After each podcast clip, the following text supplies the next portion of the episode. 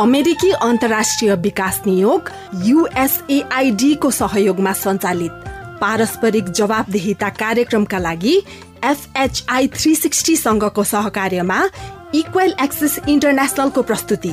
साझा बोली रेडियो बहस।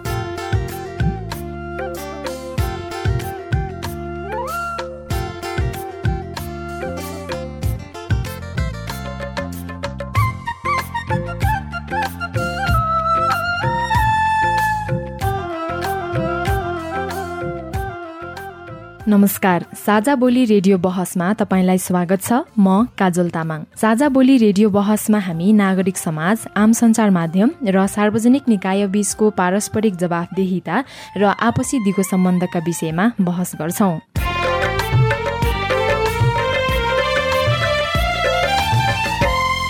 पारस्परिक जवाफदेहिताका क्षेत्रीय सवाल र परिवेश समेटेर तयार पारिएको साझा बोली रेडियो बहसको यो स्थानीय संस्करण हो। आजको साझा बोली रेडियो बहस रेडियो नमोबुद्ध एफएम एक सय छ थोप्लो सात मेगा हर्जले उत्पादन गरेको हो। यो कार्यक्रम रसुवा जिल्लाको रेडियो लाङटाङ नब्बे थोप्लो तीन मेगा हर्जबाट पनि सुन्न सकिन्छ। जवाफदेहिताको राष्ट्रिय सवालमा नीति र कार्यान्वयनको समन्वय गर्ने साझा बोली रेडियो बहस इक्वेल एक्सेस इन्टरनेसनलको सहयोगमा रेडियो नमोबुद्ध एफएम एक सय छ थोप्लो सात मेगा हर्ज धुलीखेलले उत्पादन गरेको हो। साझा बोली रेडियो बहस तपाईँले हरेक हप्ता एकै समयमा सुन्न सक्नुहुन्छ।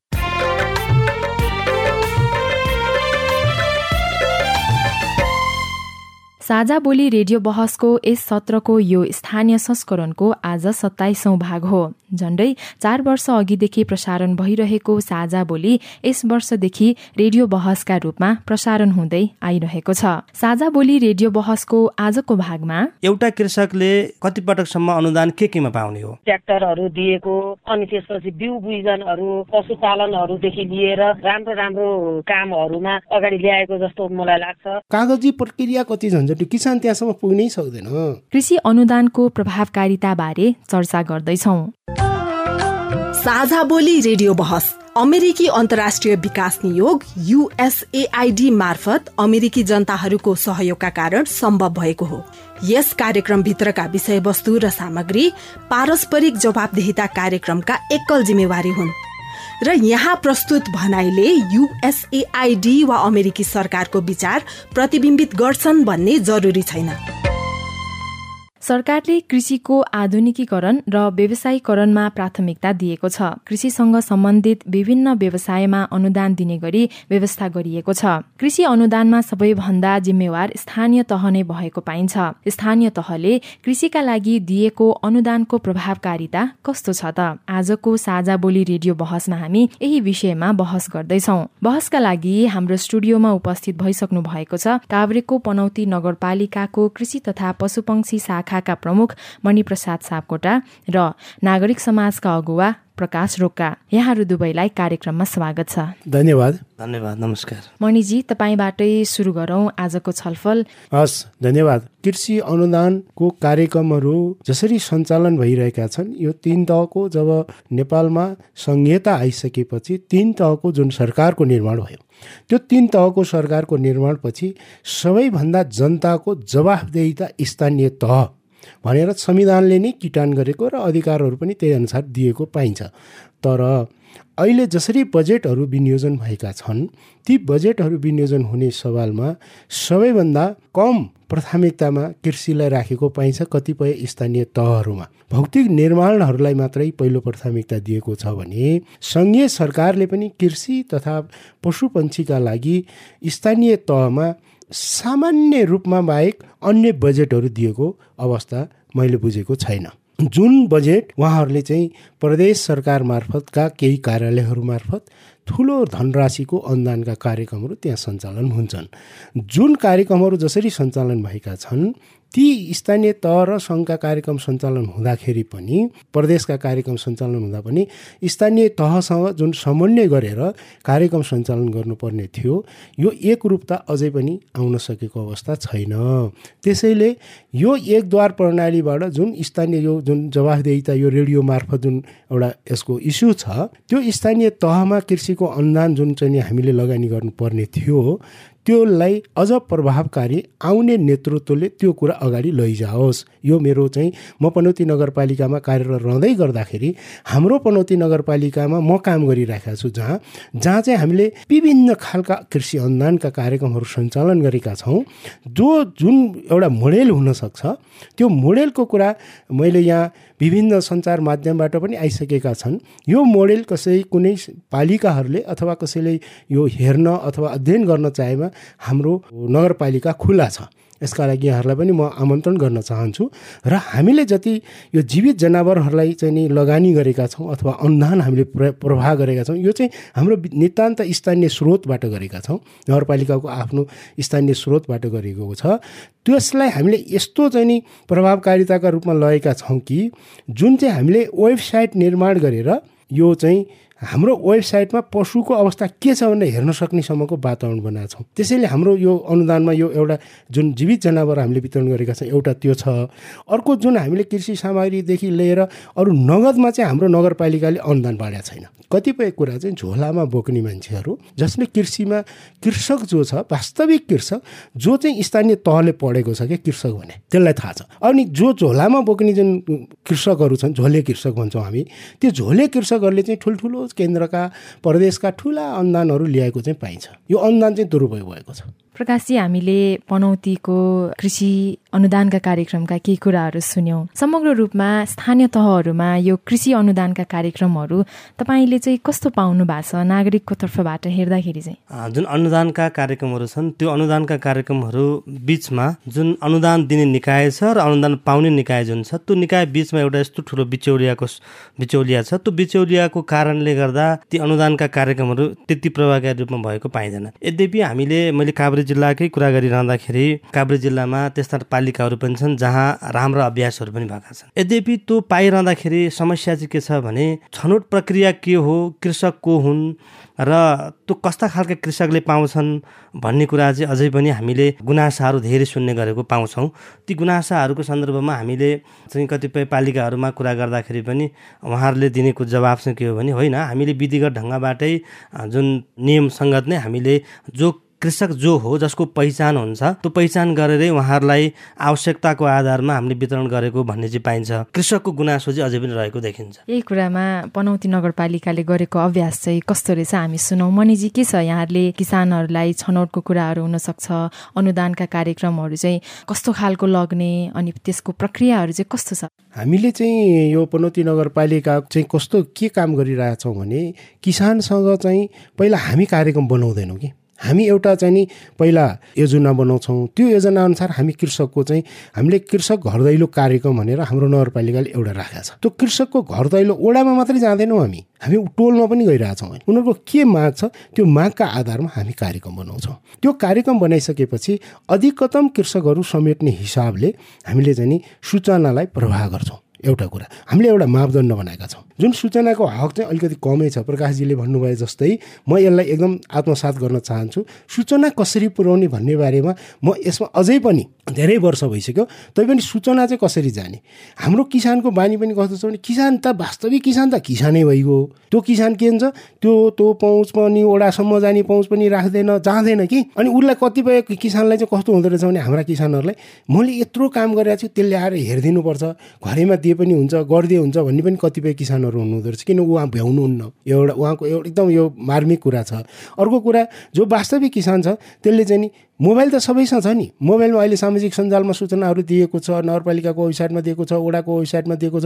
यसपालिदेखि हामीले सूचनालाई के गर्छौँ प्रत्येक सहकारीमा पनि पठाउन थाल्यौँ हामी। अब यो सूचनालाई चाहिँ अझ प्रभावकारिता ल्याउने कुरामा हामी लाग्छौँ। प्रकाशजीले भन्नुभयो जस्तै सूचना त्यहाँसम्म पुर्याउनका लागि एउटा मापदण्ड बनाउनुपर्छ। यो सबै पालिकाले या नगरपालिका पनौतीमा यस्तो गर्दा त भएको छैन भने अब अन्य पालिकाले पनि यसलाई अझ अनुसरण गर्दै जानु पर्यो। अर्को कुरा जो बिचौलिया किसानको कुरा बिचौलियाहरू छन् र यो बिचौलियालाई रोक्न चाहिँ हामी प्रयत्नरत छौँ।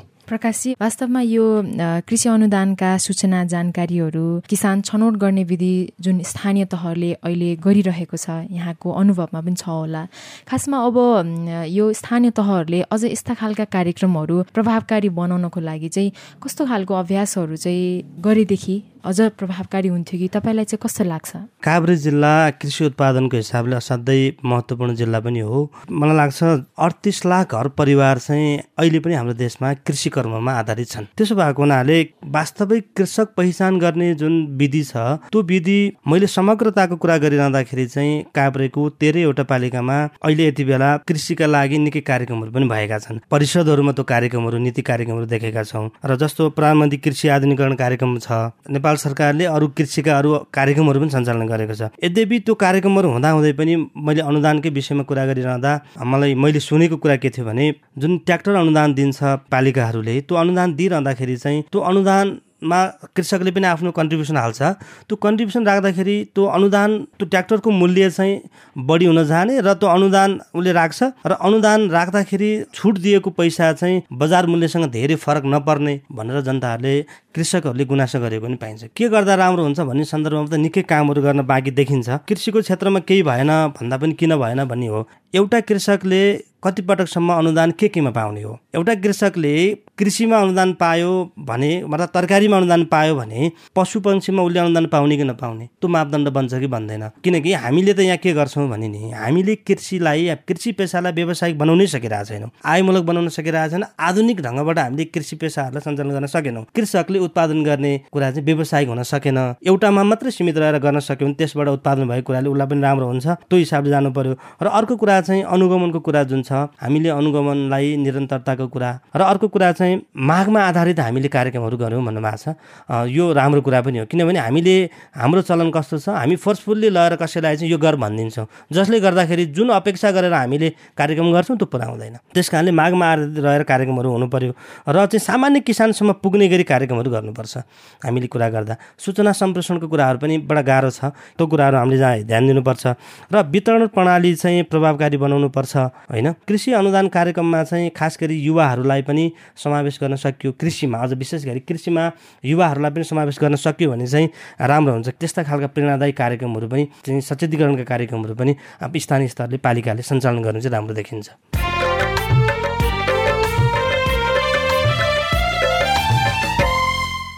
तपाईँ अहिले पारस्परिक जवाफदेहिता प्रवर्धनका लागि साझा बोली रेडियो बहस सुन्दै हुनुहुन्छ।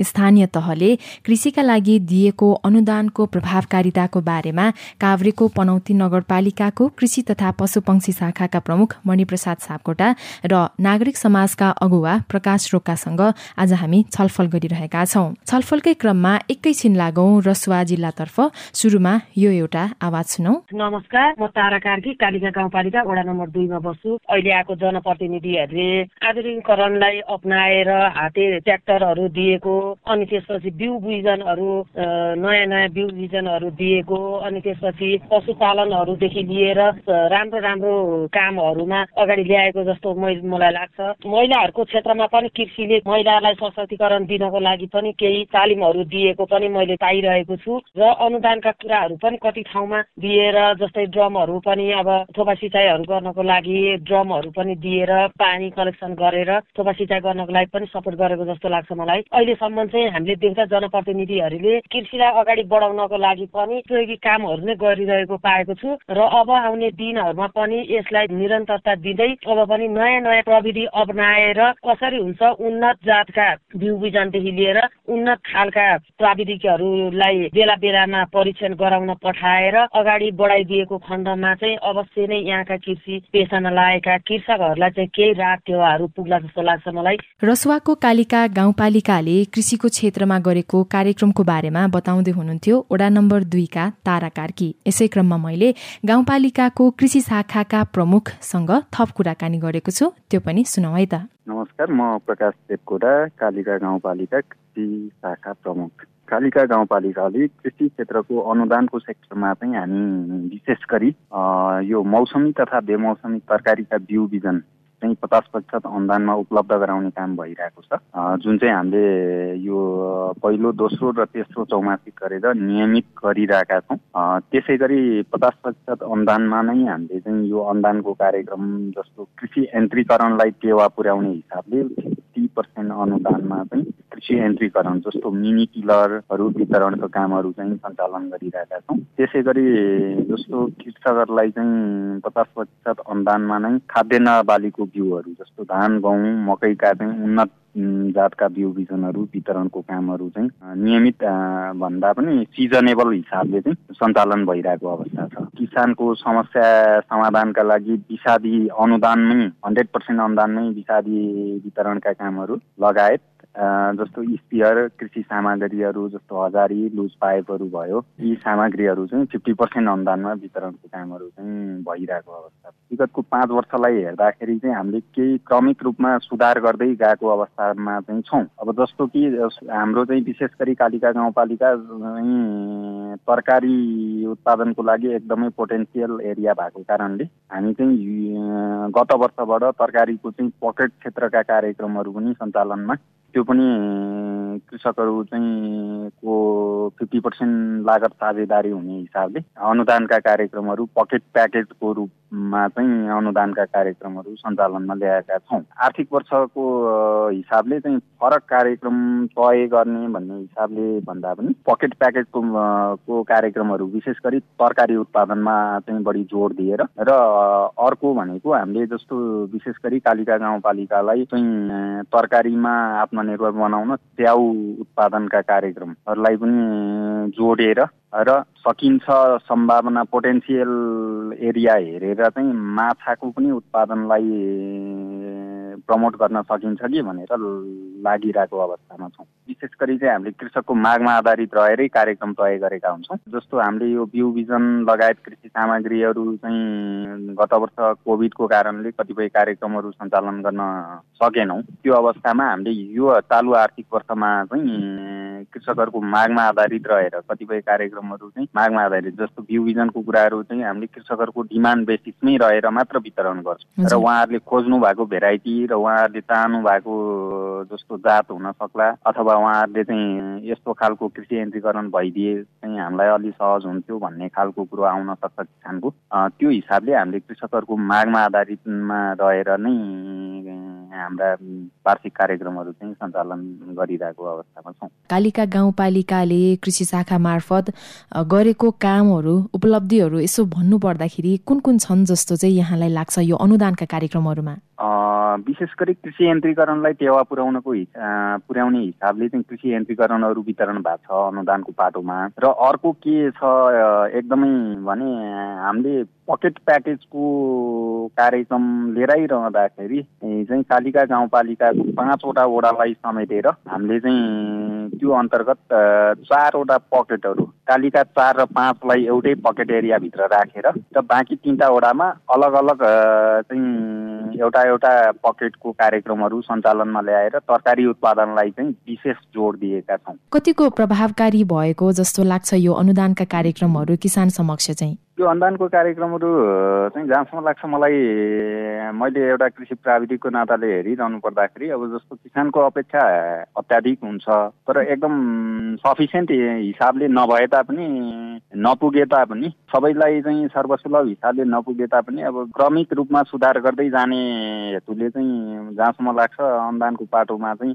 केही हिसाबले चाहिँ उल्लेखनीय काम भएको छ जस्तो लाग्छ यही क्रममा म तपाईँलाई एउटा आवाज सुनाउँछु जुन चाहिँ तपाईँहरूकै एकै गाउँपालिकाको एउटा ओडाको स्थानीय हुनुहुन्छ। उहाँको आवाज म तपाईँलाई सुनाउँछु अनि त्यस पछाडि फेरि हामी कुराकानीलाई निरन्तरता दिन्छौँ है त। नमस्कार मेरो नाम पुतली माया लो तामाङ म चाहिँ रसुवा जिल्ला कालिका वडा नम्बर बस्छु आलडाँडा ज्याङलाङ भन्ने ठाउँमा जिटिए भन्दा माथि। हामीलाई किसानलाई प्रभाव पार्ने भनेको चाहिँ यो संसारभरि देशभरि अब त्यो जुन फैलिरहेको छ यो बाँदर यो बाँदर चाहिँ अब जुन गाउँ खेती लाए पनि आलु खेती लाए पनि मकै खेती मकै जुन बाली लाए पनि हामीलाई चाहिँ एकदम आफ्नो गाडी खान नपाउने भयो उसैले खाने घर घरमै छिरेर घरबाटै लगेर जाने। त्यो बाँदरलाई चाहिँ कसरी नियन्त्रण गर्ने होला? बाँदर लाग्ने बाँदरले खाने जुनसुकै खेती बाली लाए पनि।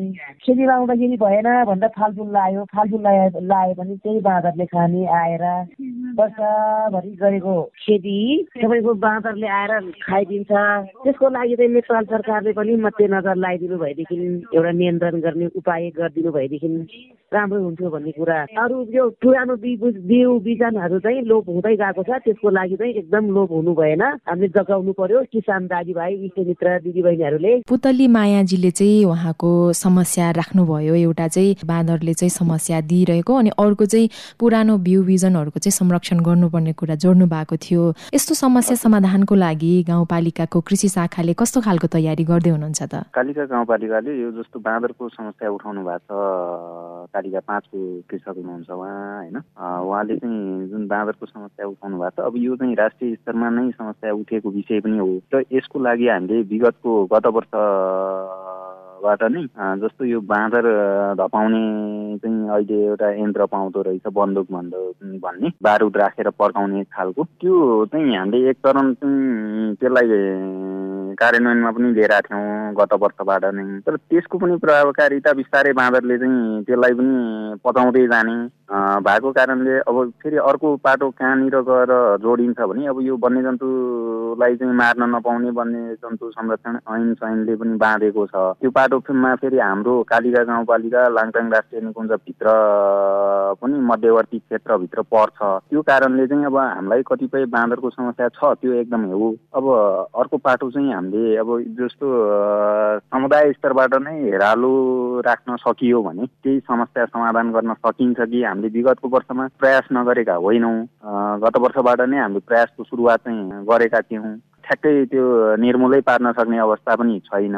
त्यो हिसाबले चाहिँ प्रयास नभएको होइन। प्रयास चाहिँ हामीले गत वर्षबाट विगतको वर्षबाट नै सुरुवात गरेका छौँ। र अर्को कुरा चाहिँ अब ठ्याक्कै त्यसको निर्मूलै गर्नलाई चाहिँ अब एकदमै समुदाय स्तरबाट कृषकहरू आफै जागरुक भएर चाहिँ एक खालको चाहिँ मेजोरिटी एक खालको चाहिँ छुट्टै समूह समुदाय बसेर चाहिँ एउटा चाहिँ हेरालु व्यवस्थापन गर्ने या चाहिँ घेराबारको व्यवस्थापन गर्ने के खालको त्यो खालको चाहिँ डिमान्ड बेसिसमा रहेर हामीलाई त्यो खालको हामीले एक खालको प्लान बनाउनु पर्छ कि भनेर हामीले यो वर्ष चाहिँ त्यो प्लान सोचिरहेका छौँ। अब यहाँनिर त्यो वन्यजन्तुलाई चाहिँ फेरि मार्न पनि नपाउने भएको कारणले वन्यजन्तु संरक्षण ऐनले पनि दिँदैन हामीलाई। आगामी आर्थिक वर्षमा हामीले अब यो बाँदर संरक्षणको लागि चाहिँ यहाँको चाहिँ जस्तो लाङटाङ राष्ट्रिय निकुञ्जको भित्र पर्ने भएको कारणले कतिपय कृषकहरूको चाहिँ खेतबारी मध्यवर्ती क्षेत्रभित्र पनि पर्ने भएको कारणले आगामी आर्थिक वर्षमा चाहिँ यो बाँदरको समस्याबाट छुटकारा पाउन चाहिँ अब त्यही नै होला जस्तो लाग्छ मलाई एउटा सरल उपाय लाङटाङ राष्ट्रिय निकुञ्जसँग चाहिँ सहकार्य गरेर यो चाहिँ जस्तो क्षतिपूर्तिको पनि जस्तो बाँदरको मात्र नभएर हाम्रो कालिका गाउँपालिकामा चाहिँ दुम्सी बँदेलको पनि समस्या छ। त्यो हकमा चाहिँ हामीले लाङटाङ राष्ट्रिय निकुञ्जसँग चाहिँ एक खालको समन्वय गरेर उहाँहरूलाई जस्तो दुम्सी बँदेलको हकमा चाहिँ क्षतिपूर्ति उपलब्ध गराउने खालको कार्यक्रम पनि कन्टिन्यू चलाइरहेका छौँ। आगामी आर्थिक वर्षको हकमा चाहिँ जस्तो बाँदरको समस्या समाधानको लागि विगतको वर्ष चाहिँ चाहिँ बाँदर धपाउने यन्त्रहरूलाई चाहिँ निरन्तरता दिएर लैजानुपर्छ भन्ने सोचका साथ हामी अगाडि बढिरहेको उहाँले अर्को कुरा पनि थोरै जोड्नु भएको थियो जस्तै पुरानो बिउ बिजनहरूलाई चाहिँ संरक्षण गर्नुपर्ने यो स्थानीय स्तरमा चाहिँ कालिका गाउँपालिकामा समग्रमा हेर्नु पर्दाखेरि स्थानीय स्तरमा पाइने जस्तो भेराइटीहरूका जातका चाहिँ तरकारी लगायत खाद्यान्न लगायतका बिउ बिजनहरू लोप हुँदै गएको अवस्था चाहिँ हो। यसलाई चाहिँ हामीले सहस्र रूपमा स्वीकार्न पनि सक्नुपर्छ। जबकि यहाँनिर के छ एउटा पाटो चाहिँ भने कालिका गाउँपालिकाका मा चाहिँ समग्रमा हेर्ने हो भने कृषकहरू व्यावसायिकतातर्फ उन्मुख हुनु भएको छ। व्यावसायिकतातर्फ उन्मुख भइरहँदाखेरि कृषकहरूको चाहिँ डिमान्ड बेसिसलाई हेर्ने हो भने चाहिँ उन्नत जातका भेराइटीहरूमा चाहिँ बढी फोकस गरिरहनु भएको छ। स्थानीय रैथाने बालीहरूलाई संरक्षणमा जोड दिनुको सट्टामा चाहिँ उन्नत जातका बिउ बिजन लगायत खाद्यान्नका बिउ बिजन लगायतलाई चाहिँ बढी जोड दिइरहेको अवस्था पाइन्छ। त्यो हिसाबले हामीलाई उत्पादकत्व वृद्धि गर्ने हिसाबले एक हिसाबले चाहिँ ठिक छ जस्तो पनि लाग्छ र अर्को पाटो हेर्ने हो भने चाहिँ त्यो जस्तो रैथाने बालीहरूको चाहिँ बिस्तारै लोप हुँदै गइरहेको अवस्था चाहिँ यसलाई चाहिँ नकाट्न सकिन्न। यसको संरक्षणको लागि पनि हामीले भोलिका दिनमा चाहिँ रैथाने बाली संरक्षण सम्बन्धी कार्यक्रमहरूलाई चाहिँ तय गरेर आगामी आर्थिक वर्षबाट चाहिँ लैजाने खालको एक खालको सोच चाहिँ बनाएका। प्रकाशजी तपाईँलाई फेरि पनि अर्को एउटा आवाज छ। यो पनि तपाईँहरूकै पालिकाको अर्को ओडाको किसान हुनुहुन्छ। उहाँले आफ्नो थोरै कुराहरू राख्नु भएको छ। यो पनि अलिकति सुनाउँछु है म तपाईँलाई। नमस्कार नेमारञ्जन तामाङ हाल कालिका गाउँपालिका वडा नम्बर दुई कुम्बो डाँडा रसुवा कालिका गाउँपालिकाले चाहिँ सम्पूर्ण कृषकहरूका निमित्त अनुदान दिइरहेको मैले जान्न र सुन्नमा आएको छु जस्तै बाख्रा पालन कुखुरा पालन भैँसी पालन लगायत अन्य तरकारी खेतीका निमित्त केही सपोर्टहरू अनुदानहरू गरिरहेको सुन्नमा आएको छु जस्तै पचास प्रतिशत रकम कृषकको र पचास प्रतिशत पैसा रकम चाहिँ नेपाल सरकारको गरी हरेक सपोर्टहरू जस्तै ट्र्याक्टर लगायतका अन्य कृषि औजार सामग्री समेत पालिकाले वितरण गरिरहेको देख्नमा आइरहेको छ। अहिले यो कालिका गाउँपालिकाले कृषकका निमित्त धेरै अनुदानहरू दिइरहेको मैले महसुस गरिरहेको छु र यो यद्यपि कतिपय कृषकहरूले चाहिँ यो अनुदान पाइरहेको छैन किनकि सूचना या सञ्चारले सूचना सञ्चार अथवा पहुँच नपुगेका कृषकहरूले जुन कुना काप्चामा हुनुहुन्छ उहाँहरूले चाहिँ यो अनुदानको बारेमा थाहा नपाएको कारणले गर्दाखेरि पनि या पहुँच पुग्न नसक्ने भएको कारणले गर्दा कतिपय किसानहरूले चाहिँ यो सेवाबाट यो अनुदानबाट वञ्चित हुनु परिरहेको देख्नमा सुन्नमा पाइन्छ। किनभने जो टाठो बाठो छन् जो जसले अलिकति कालिकासँग अथवा सरकारसँग नजिक रहन्छ उहाँहरूले मात्रै यो अनुदानहरू उपयोग गरिरहेको पाइरहेको छ। त्यसैले म आगामी दिनहरूमा शिक्षा स्वास्थ्य र सञ्चारका माध्यमले प्रत्येक कृषकहरूले चाहिँ पाउनुपर्ने अनुदान दिलाउन सक्यो भने निकै नै प्रभावकारी हुने थियो। कृषि पेसालाई सजिलो बनाउन यो कृषक अनुदानले अथवा कृषि अनुदानले निकै नै महत्त्वपूर्ण भूमिका खेलिरहेको हुन्छ। अहिले हाल स्थानीय तहहरूले आफ्नो क्षेत्रमा आवश्यक परेका सामग्रीहरू कृषकलाई उपलब्ध गराएर अनुदान स्वरूप सहयोग गरिरहेको देख्न र सुन्नमा पाइन्छ। प्रकाशी सुन्नुभयो है हजुरले? हजुर। हामीले यो अनुदान सम्बन्धी सूचनाहरू चाहिँ विशेष गरी चाहिँ रेडियोबाट पनि प्रसारण गर्ने काम गर्छौँ। र विशेष गरी चाहिँ कालिका गाउँपालिकाको चाहिँ वेबसाइट लगायत रेडियो लगायत सार्वजनिक सूचनाका माध्यमहरू लगायत चाहिँ हाम्रो कालिका गाउँपालिकाभित्र रहेका पाँचवटा वडा मार्फत र सकेसम्म अझ ओडालाई चाहिँ हामीले के भन्छौँ भने ओडामा पनि टोल विकास संस्था मार्फत चाहिँ प्रत्येक ओडा को चाहिँ टोल टोलमा सूचना पुग्योस् भनेर हामीले ओडालाई जानकारी गराउँछौँ। र त्यो पाँचवटा ओडामा होला दूर दराजको किसानहरू हाम्रो विशेष गरी राम्चे एक पले एरियाको किसानहरूलाई चाहिँ सूचना नपुगेको हिसाबले मात्रै हुन सक्छ। नत्र अन्यथा हामीले कालिका गाउँपालिकाको समग्र हेर्ने हो भने पाँचवटा ओडाभित्रका सम्पूर्ण कृषकहरूलाई सूचना सम्प्रेषणमा चाहिँ कुनै कमी गरेका छैनौँ जस्तो लाग्छ मलाई। र अर्को पाटो हेर्ने हो भने उहाँले अनुदानको कुरा गर्नुभयो पहुँचको कुरा गर्नुभएको थियो। अनुदानको पाटोमा हेर्ने समसामयिक हिसाबले हेर्ने हो भने हामीले पाँचैवटा ओडामा समष्टिगत हिसाबले हेर्ने हो भने समावेशी हिसाबले नै अनुदान वितरणको कार्यहरू सञ्चालन गरिरहेका छौँ होला किसानको कुनै एक दुई यता कताको किसानले चाहिँ मैले पाइनँ भनेर गुनासो राख्न आउनुभयो भने पनि हामीले उहाँहरूको मागलाई सम्बोधन गर्न सक्ने यो चालु आर्थिक वर्षमा सम्बोधन गर्न सक्ने रहेछौँ भने चालु आर्थिक वर्षमै सम्बोधन गर्न सक्छौँ। र यदि त्यो नसक्ने अवस्था छ भने नेक्स्ट इयर चाहिँ हामीले प्रोग्राम प्लानिङ गरिरहँदाखेरि कार्यक्रममा नै इन्क्लुड हुने हिसाबले लिएर जाने खालले चाहिँ हामीले कार्यक्रम तय गरेका हुन्छौँ र त्यो हिसाबले नै हामीले कार्यक्रम सञ्चालन गरिरहेका छौँ। जहाँसम्म लाग्छ मलाई यो अनुदान वितरणको पाटोमा हेर्ने पाटोमा चाहिँ पहुँचको आधारमा को कुरो उठाउनु हो। त्यो हिसाबले मलाई लाग्छ मैले कालिका गाउँपालिका सम्हालिरहँदाखेरि विगतको दुई वर्ष भयो मैले कालिका गाउँपालिका सम्हालेको। त्यो हिसाबले हेर्ने हो भने मलाई लाग्छ हामीले कालिका गाउँपालिकाको पाँचवटा वडालाई अनुदान वितरणको पाटोमा चाहिँ समावेशी हिसाबले चाहिँ न्यायोचित ढङ्गबाट मात्र चाहिँ अनुदान वितरण गरेका छौँ। कुनै त्यस्तो पहुँच यताउता त्यो चाहिँ जहाँसम्म लाग्छ मलाई छैन जस्तो लाग्छ। त्यो हिसाबले हामीले पाँचवटा ओडासँग समन्वय नगरिकन अथवा ओडासँग चाहिँ समन्वय गरेर मात्रै चाहिँ त्यो अनुदान वितरणको कार्यक्रमलाई अगाडि बढाएका छौँ। समग्रमा भन्नुपर्दाखेरि पाँचैवटा ओडालाई समन्वय गरेर र स्थानीय जनप्रतिनिधिहरूसँग चाहिँ समन्वय गरेर उहाँहरूको इच्छा आकाङ्क्षा उहाँहरूको इच्छा आकाङ्क्षा सँगसँगै हामीले हाम्रो कार्यक्रमलाई इम्प्लिमेन्टेसन गरिरहँदाखेरि किसानको पनि आवश्यकतालाई परिपूर्ति गर्ने हिसाबले चाहिँ न्यायोचित ढङ्गबाट अनुदानका क्रियाकलापहरू चाहिँ सञ्चालन गरिरहेका छौँ।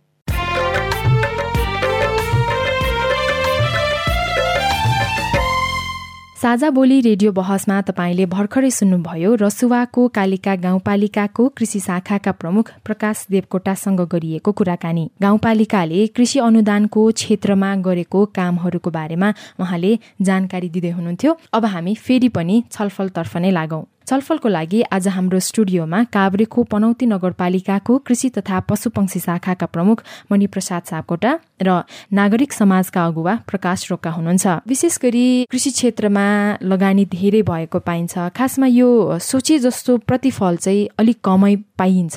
खासमा यो कारण चाहिँ के देख्नुहुन्छ मणिप्रसादजी तपाईँ? खास यो कृषि क्षेत्रमा जुन धेरै लगानी भयो भन्ने जुन प्रश्न छ म यो प्रश्नसँग सहमत छैन। कृषि क्षेत्रमा धेरै लगानी भएको छैन। एउटा कृषि क्षेत्रमा यस्तो छ कृषिबाट जुन किसिमको प्रतिफल लिनका लागि उसलाई सस्टेन गराउनु पर्यो।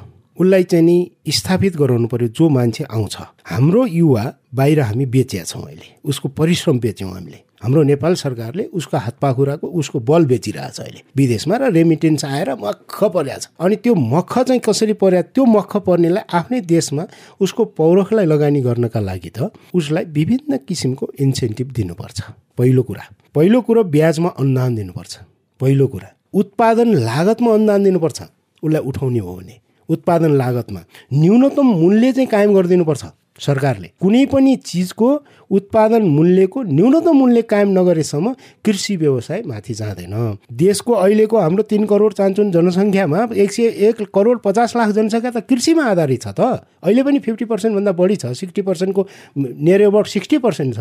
बजेट चाहिँ कति गयो त हाम्रो कृषिमा? तिन पोइन्ट दुई पोइन्ट चान्चुन बजेट कृषिमा गएको छ। त्यो पनि प्रशासनिक बजेट कति जान्छ प्रोजेक्टहरूमा कति पैसा खर्च भइरहेछ त्यसबाट जुन केही कुराहरू हुन खोजिरहेछ त्यसबाट ल्याउनलाई कति झन्झटिलो छ यो कागजी प्रक्रिया कति झन्झटिलो किसान त्यहाँसम्म पुग्नै सक्दैन।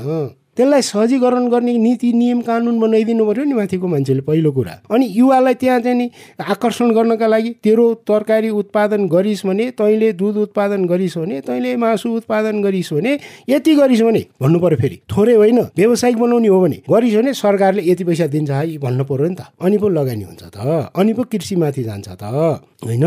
नत्र भने त कृषिमा बजेटै लगानी भएको छैन। त्यसैले बजेटको प्रतिशत छैन क्या बजेट बढाउनु पर्यो तर त्यो प्रकाशजीले भन्नुभयो जस्तै अनुगमनलाई निरन्तरता दिनु पर्यो अनुगमन त्यो लगानी गर्ने मान्छेले मात्रै अनुगमन गर्ने होइन क्या? अब अब त नागरिक समाजका अगुवाहरू लगायतका स्वतन्त्र मिडियाहरूले पनि यो अनुगमन गर्नु पऱ्यो क्या अब। अनि त्यसले उहाँहरूलाई पनि एकदम हौसला बढ्छ होइन। अनि उहाँहरू व्यावसायिक बन्नका लागि पनि सहयोग पुग्छ। कृषिमा पर्याप्त बजेट छुट्याउनुपर्छ र त्यो बजेट एकद्वार प्रणालीबाट खर्च गर्नुपर्छ अब। सङ्घले र प्रदेशले अनुगमन गर्ने उनीहरूले नीति नियम बनाइदिने अनुगमन गर्ने जम्मै लगानी कृषिको लगानी स्थानीय तह मार्फत एकद्वार प्रणालीबाट गर्ने। त्यो गर्ने नीति नेपाल सरकारले ल्यायो भने कृषिमा आमूल परिवर्तन हुन्छ। प्रकाशजी जस्तै अब यो कृषिको नीति नियम अनुसार प्रस्ताव पेश गर्न चाहिँ झन्झटिलो भएको कुराहरू छ। किसानहरूको चाहिँ धेरै गुनासोहरू पनि आइरहँदाखेरि तपाईँलाई चाहिँ कस्तो लाग्छ? यो नीति नियम झन्झटिलो भएकै हो जसले गर्दा चाहिँ वास्तविक रूपमा पाउनुपर्ने किसानले चाहिँ अनुदान चाहिँ नपाइरहेको? अनुदानको लागि भनेर जुन सूचना प्रकाशित गरिन्छ र सूचना प्रकाशित गरिसकेपछि जुन प्रपोजल राखिन्छ जुन फारम एउटा स्ट्यान्डर्ड फर्मेटमा आउँछ त्यो फारम भर्ने कुरा त्यो सामान्य किसानलाई जसले बल्ल बल्ल अहिले एउटा आफ्नो सिग्नेचर बल्ल गर्छ। त्यो किसानलाई त्यो प्रपोजल लेख्ने त्यो बुझाउने त्यो यति धेरै झन्झटिलो छ जसले गर्दा त्यो प्रक्रिया नपुऱ्याए त्यो प्रक्रिया नपुगेको फाइल भनेर छुट्टै त्यसलाई पार्किङ लटमा राखिन्छ। अनि उसले प्रक्रिया पुऱ्याउन जान्दैन र त्यो प्रक्रिया पुऱ्याउनको लागि उसले जसलाई भन्नुपर्ने हो त्यसलाई भन्दा जो बिचौलिया छ उसैले आफ्नो गर्छ क्या। त्यसो भएको हुनाले यो असाध्यै झन्झटिलो कुरा एकदमै गुनासोको रूपमा आउँछ र यसलाई असाध्यै सरल बनाउनु पर्छ किनभने एउटा सामान्य किसानलाई त्यसरी प्रपोजल राख्ने पठाउने कुरा चाहिँ कहिलेकाहीँ त अनलाइनमै पठाउनु पर्ने हुन्छ जबकि त्यो पहुँचभन्दा कहिलेकाहीँ बाहिर हुन्छ होइन। त्यसो भएको हुनाले त्यो कुरा चाहिँ गुनासोको रूपमा रहेको छ।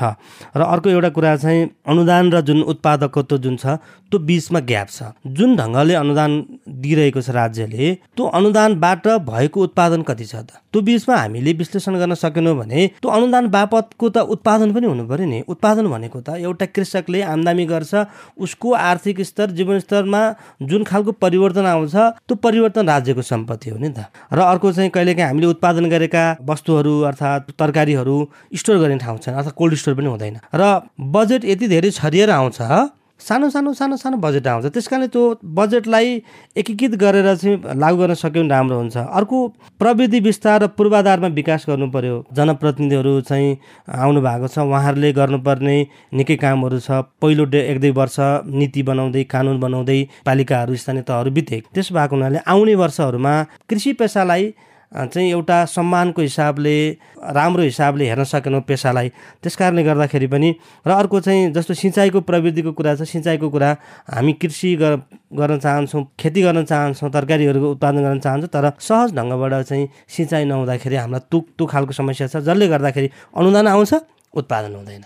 अब त्यहाँ त्यहाँबाट बजेट त ती बिग्रिसक्यो नि त। हामीले दिएको अनुदानबाट त निकै धेरै उत्पादन भयो भने के हुन्छ? कृषक धनी हुन्छ। र अर्कोपल्ट त्यसलाई अनुदान चाहिँदैन र उसले त लगानी गर्छ। उसको चाहिँ आर्थिक वृद्धि त त्यहाँबाट सुरु हुने होला नि त। एउटा घरबाट सुरु हुने होला नि त। एउटा व्यक्तिबाट सुरु हुने होला नि त। हो त्यो हिसाबले हामीले चाहिँ कामहरू गर्न सकिरहेका छैनौँ। उत्पादकत्व र अनुदानको बिचमा हाम्रो तालमेल मिलिरहेको छैन। त्यो बिचमा हामीले ब्यालेन्समा ल्याउनको लागि चाहिँ निकै कामहरू गर्न अझै पनि बाँकी छ र सबैभन्दा महत्त्वपूर्ण कुरा चाहिँ अनुदान प्रणालीको व्यवस्थापनको कुरा बिचौलियाहरूले निकै अघि सरले सुरुमै भन्नुभएको थियो। बजेट कागज मिलाएर कामहरू भइरहेको मैले पनि बिहान पढेको थिएँ। कृषि तथा पशुपक्षी मन्त्रीकै संयोजकत्वमा एउटा अनुगमन समिति पनि भनेको थियो। त्यो समितिले पनि के तथ्य पत्ता निकालेको छ भने यो अनुदानहरू चाहिँ दुरुपयोग भयो। यसलाई अब व्यवस्थित गर्नुपर्छ। भनेर त्यसले पनि भने हुनाले यो खुल्ला कुरा नै छ। त्यसरी चाहिँ आएको देखिन्छ अहिले। मणिजी प्रकाशजीको कुरा हामीले सुनिहाल्यौँ। अब विशेष गरी यो अनुदानका कार्यक्रमहरू अझ प्रभावकारी बनाउनको लागि खासमा कसको भूमिका चाहिँ के भइदियो भने अझ राम्रो होला? अनुदानको कुरामा चाहिँ अनुदान ग्राही सेवाग्राही जो सेवाग्राही र अनुदान प्रवाह गर्ने जुन चाहिँ निकाय छ यो बिचको बिचमा स्थलगत रूपमा अध्ययन गरेर हामी प्रभाव गर्छौँ अनुदान। प्रभाव गर्दाखेरि उसको कार्ययोजना के? एक त अनुदानलाई पुरै बन्द गर्ने एउटा सबभन्दा राम्रो चाहिँ उपाय यो हुन्छ। अनुदान कसरी बन्द गर्ने भने अनुदान ग्राही र उत्पादन भएको सामग्रीको बिचको अध्ययन कसले गर्यो? यो कुराले यहाँ ल्यायो अब यहाँ जोड्नु पऱ्यो यहाँ जोड्दा के गर्नु पऱ्यो भने अनुदान दिने ब्याजमा अनुदान दिने दुई पर्सेन्टमा ब्याजमा दिने पैसा कृषकलाई। अर्को कुरो उहाँले भन्नुभयो जस्तै उत्पादन जुन गर्छ नि उसले उत्पादनमा आधारित चाहिँ नि अनुदान दिने क्या। उत्पादनमा आधारित अनुदान दिने भइसकेपछि के हुन्छ भने मान्छेले चाहिँ उत्पादन बढी गर्न थाल्छ। त्यहाँ दुरुपयोगता पनि हुँदैन त्यहाँ फेरि केही पनि। प्रमाणित गरेको आधारमा अनुदान दिने गरियो भने यो अनुदानको समस्या समाधान हुन्छ। जनशक्ति प्राविधिक जनशक्ति व्यापक रूपमा चाहिन्छ है। प्राविधिक जनशक्ति बेगर चाहिँ यो कृषिलाई माथि लान्छु भनेर जसले सपना देख्यो भने त्यो बेकार हो। त्यसैले यो प्राविधिक प्रविधि र सिप जुन प्रवाह गर्ने उत्पादनमा आधारित अनुदान दिने व्यापक रूपमा अनुगमन गर्ने नागरिक समाजदेखि लिएर वित्तीय संस्थाहरू यसको अनुगमन गर्ने निकाय चाहिँ माथिदेखि तलसम्मको अवस्थामा होस् र एकद्वार प्रणाली जहाँ आउने वर्षको बजेट स्थानीय तह मार्फत लगानी गर्ने गरेर सम्पूर्ण बजेट आउनु पर्यो सङ्घ र प्रदेशले अनुगमन प्रविधि र सिपको विस्तार गर्नु पर्यो। यति भयो भने असाध्य सदुपयोग हुन्छ। एकैचोटि कृषिको विकास पनि हुन्छ। कृषि र पशुपालनमा व्यापक आमूल परिवर्तन हुन्छ। यो पक्का हो। निर्वाचन पनि नजिकिँदैछ। अब आउने जनप्रतिनिधिहरू चाहिँ यो कृषि कृषिसँग सम्बन्धित कस्तो खालको योजना बनाएर आउँदा राम्रो हुन्छ? सँगै यो अनुदानका कार्यक्रमहरू अझ प्रभावकारी बनाउन पनि नागरिक आफै हुनसक्छ अथवा जनप्रतिनिधि हुनसक्छ। क कसको भूमिका चाहिँ कस्तो भइदियो भने अझ प्रभावकारी हुन्छ कि जस्तो चाहिँ यहाँलाई लाग्छ त? पक्कै पनि निर्वाचन आउँदैछ। सँगसँगै हामीले पाँच वर्ष काम जनप्रतिनिधिहरूले काम गर्नुभयो। त्यो काम गरे पछाडि केही अनुभवहरू पनि प्राप्त भएको पक्कै पनि होला। किनकि हामीले बाहिर बसेर पनि त्यो अनुभवहरू हासिल गरेका छौँ। अब नयाँ बन्ने कार्यक्रमहरू चाहिँ कस्तो खालको हुँदा राम्रो होला जस्तो लाग्छ मलाई भने अनुदानलाई व्यवस्थित प्रभावकारी बनाउने त्यो सिस्टमलाई राम्रो बनाउने कुरा अघि निकै छलफल गऱ्यौँ। त्यो कुरालाई आत्मसात गर्दै त्यो कुरालाई स्वीकार गर्दै कृषकले जुन काम गरिरहेछ त्यो कामको उसले योजनै बनाएको छैन। म कति वर्षमा के काम गर्छु? पहिलो वर्ष मेरो आम्दानी कति हुन्छ? मेरो लगानी कति हुन्छ? यसबाट मैले प्रफिट कति कमाउँछु? बजार कस्तो रहन्छ मेरो भनेर जुन खालको योजना बनाउनु पर्ने हो त्यो योजना नबनाइकन हामीले कामहरू सुरु गर्छौँ। जसको परिणाम हामीले जति लक्ष्य हासिल गरेका हुन्छौँ वित्त लक्ष्य भनौँ न त्यो लक्ष्य हामी हासिल गर्न सक्दैनौँ। त्यस कारणले कृषि कृषकलाई व्यावसायिक तालिम जुन हुन्छ व्यावसायिक रूपमा तालिम दिएर व्यावसायिक योजना बनाएर मात्रै काम सुरु गर्ने गरी हामीले त्यो खालको कार्यक्रमहरू ल्याउनुपर्छ। हामीले गर्ने कार्यक्रमलाई एकद्वार प्रणालीबाट गर्न पर्यो र एकपटक पाएको कृषकले अनुदान पाउने कि नपाउने भने त्यो खालको निर्णय गर्नु पर्यो र सँगसँगै अहिले धेरै युवाहरू कृषि पेसामा संलग्न भएको हामीले पाउँदैनौँ। व्यावसायिक रूपमा कृषि पेसा व्यावसायिक भएको छैन है। त्यो व्यावसायिक बनाउनको लागि योजना बनाउनु पर्यो र अर्को कुरा चाहिँ जुन बाँझो जमिन छ त्यो बाँझो जमिनलाई कसरी हामीले चाहिँ कृषियोग्य बनाउने? अर्को चाहिँ कृषिसँगै जोडिएको कुरा आवास। जहाँ कृषियोग्य जमिन छ त्यहाँ आवास भनेको छ। त्यस कारणले त्यो खालको योजना अब आवास कहाँ बनाउने? खेतीयोग्य जमिनहरूलाई हामीले मास्न नदिन के गर्ने भनेर चाहिँ जनप्रतिनिधिहरूले ख्याल गर्नुपर्छ। र अर्को कुरा चाहिँ कृषि बिमा छ पशु बिमा छ हो त्यो कार्यक्रमहरूलाई किनभने त्यसको बिमा गर्नुपर्ने कुरा पहिला त चेतनै जाग्नु पऱ्यो नि। बिमाका फाइदाका कुराहरू त्यो कुरा हामीले त्यस्ता खालका कार्यक्रमहरू जनप्रतिनिधि लिएर जाँदाखेरि राम्रो हुन्छ र चाहिँ सुलभ खालका ऋणका कार्यक्रमहरू सञ्चालन गर्नुपर्छ। पुरै अनुदानमा दिँदाखेरि पनि कृषकलाई त्यसको माया कम हुन्छ। किनकि उसले त्यसलाई चाहिँ व्यावसायिक बनाउँदैन र निर्वाहमुखी मात्रै बनाइदिन्छ। त्यस यो विषयमा यो कुरामा चाहिँ अब आउने निर्वाचित हुने जनप्रतिनिधिहरूले ख्याल दिनु ध्यान दिनुपर्छ र कृषिलाई आधुनिकरण गर्नुपर्छ। मर्यादित पेसाको रूपमा स्थापित गर्नको लागि चाहिँ उनले आफ्ना कार्यक्रमहरू सञ्चालन गर्नुपर्छ। पशुवस्तु पाल्नुभन्दा पहिला व्यावसायिकताका बारेमा निर्वाहमुखी जुन पशुपालन छ अहिलेको परम्परागत निर्वाहमुखी पशुपालन र कृषि व्यवसाय छ त्यो व्यवसायलाई व्यवसायीकरण गर्नका लागि आफ्ना नजिकमा भएका प्राविधिकहरूसँग परामर्श लिनुहोस्। अरू सफल चाहिँ व्यवसायी साथीहरूको फार्महरू अध्ययन अवलोकन गर्नुहोस्। अर्को कुरा अनुदानका कुरालाई चाहिँ कम्तीमा सामाजिक सञ्जाल अथवा चाहिँ वेबसाइटहरू विभिन्न खालका आफूले जानिन्छ आफूले सिक्नुहोस्। जानिँदैन नजिकको सिक्ने मान्छेलाई भन्नुहोस् नजिकको मास्टरलाई शिक्षकलाई भन्नु भन्नुहोस् नजिकको चाहिँ जनप्रतिनिधिलाई भन्नुहोस् उहाँहरू मार्फत यी योजनाका कामहरू ल्याउनुहोस् धेरैभन्दा धेरै योजना कामहरूमा तपाईँहरू भाग लिनुहोस् आफ्ना पशुवस्तुहरू बगाउनका लागि अनिवार्य रूपमा कृषि पशुका लागि पशु बिमा गर्नुहोस्। एकदम सरल बिस पर्सेन्ट मात्रै तिरे पुग्छ अहिले बिमाको प्रिमियमको र कृषिको पनि बिस पर्सेन्ट तिरे पुग्छ कृषि बालीको बिमा गर्नुहोस् व्यावसायिक बन्नुहोस् अनि प्रविधियुक्त खेतीहरू गर्नुहोस्। त्यसमा ज्ञानको पुरा सदुपयोग गर्नुहोस् प्रविधि विस्तारका लागि तपाईँले पाउनुपर्ने सेवा सुविधाका लागि हाम्रो तर्फबाट नि केही गर्नुपर्ने छ भने म मेरो व्यक्तिगत तर्फबाट पनि सहयोग गर्न तयार छु। तपाईँहरूलाई फोन गर्ने सम्पर्क गर्ने कुराहरू छन्। मलाई तपाईँले सोझै सम्पर्क तपाईँहरूले यो रेडियो सुन्ने साथीहरूले पशु र पशुका बारेमा केही सोध्न चाहनुभयो प्रविधि विस्तारका कुरा सोध्न चाहनुभयो भने मेरो फोन नम्बर अन्ठानब्बे एकचालिस बिस चौबिस सतहत्तर यहाँहरूले फोन गरेर जति बेला पनि मेरो खुला हुन्छ यहाँहरूलाई म सहजीकरण गर्न पनि तयार छु। र जहिलेसम्म हामी हाम्रो उत्पादनले खान पुग्ने गर्न सक्दैनौँ। तहिलेसम्म हामी अरूसँग परनिर्भर भएर बस्नुपर्छ। कहिलेकाहीँ सुन्दा मनमा दुःख लाग्छ। कृषि प्रधान देश भनेर चाहिँ सबै चिज किनेर खानुपर्छ। त्यसैले हामी यो वातावरण चाहिँ अरूसँग किन्दिमानी नगरौँ व्यावसायिक बनाऊ मर्यादित बनाऊ कृषि लोन पाइएन सम्बन्धित पालिकामा जाउँ ती पालिका मार्फत पनि पाइएन ब्याङ्कमा जाउँ त्यसमा नि पाइएन बिमा समितिले केही कुराहरू गरेका छैन बिमाका कुराहरूमा जाउँ एउटा पाल्ने पशु पाल्नेले दुईवटा पाल्नुहोस् दुईवटा पाल्ने तिनवटा एउटा टनल खेल्ने दुईवटा तिनवटा चाडा गर्नुहोस् अनि प्रत्येक किसानले आफ्नो घरको डिल कान्ला बगैँचामा प्रत्येकले घर घरमा एउटा एउटा बोट रोपौँ कि? फलफुल किन्नै पर्दैन। हो हामी यसरी व्यवसायीकरण गर्न थालौँ।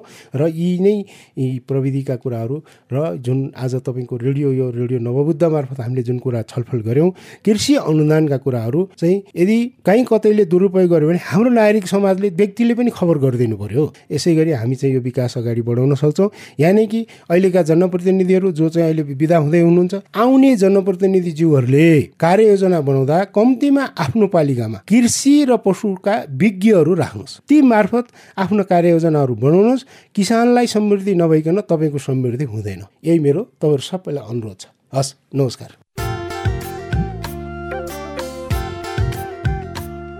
यिनै छलफलसँगै हामी साझा बोली रेडियो बहसको अन्त्यमा आइपुगेका छौँ। आजको बहसमा सहभागी अतिथिहरू काभ्रेको पनौती नगरपालिकाको कृषि तथा पशुपक्षी शाखाका प्रमुख मणिप्रसाद सापकोटा र नागरिक समाजका अगुवा प्रकाश रोक्का त्यसै गरी कार्यक्रम उत्पादनका लागि रसुवाबाट सहयोग गर्नुहुने साथी डोल्मा स्याङ्बालाई विशेष धन्यवाद। साझा बोली रेडियो बहसबारे मनका कुरा भन्नको लागि एनटिसीको मोबाइल वा ल्यान्डलाइन फोन प्रयोग गर्नुहुन्छ भने सोह्र साठी शून्य एक शून्य शून्य चार पाँच नौमा फोन गर्न सक्नुहुन्छ। एनसेल प्रयोग गर्नुहुन्छ भने अन्ठानब्बे शून्य पन्ध्र एकहत्तर शून्य उनातिसमा फोन गर्नुहोला। यी नम्बरहरूमा फोन गरेको पैसा लाग्दैन र प्राप्त निर्देशन अनुसार प्रश्न सोध्न सकिन्छ। पारस्परिक जवाफदेहिताबारे आफूले देखे सुने या भोगेका कुनै कुरा लेख मार्फत व्यक्त गर्न चाहनुहुन्छ वा अरूका लेखहरू पढ्न चाहनुहुन्छ भने W W W dot M E R O R E P O R T dot नेटमा पनि लगइन गर्न सक्नुहुन्छ। साझा बोली रेडियो बहस तपाईँले मेरो रिपोर्ट वेबसाइट पोडकास्ट च्यानल र सामाजिक सञ्जालहरूमा पनि सुन्न सक्नुहुन्छ। हवस् त। आजको साझा बोली रेडियो बहसबाट अब विदा हुने बेला भयो। यतिन्जेल ध्यान दिएर कार्यक्रम सुन्नु भएकोमा तपाईँलाई धन्यवाद। आगामी हप्ता पनि आजको जस्तै समयमा सार्वजनिक जवाफदेहिताको अर्को विषयमा छलफल लिएर आउनेछौ सुन्न नबिर्सिनुहोला। आजको कार्यक्रमबाट म काजल तामाङ विदा भए। नमस्कार।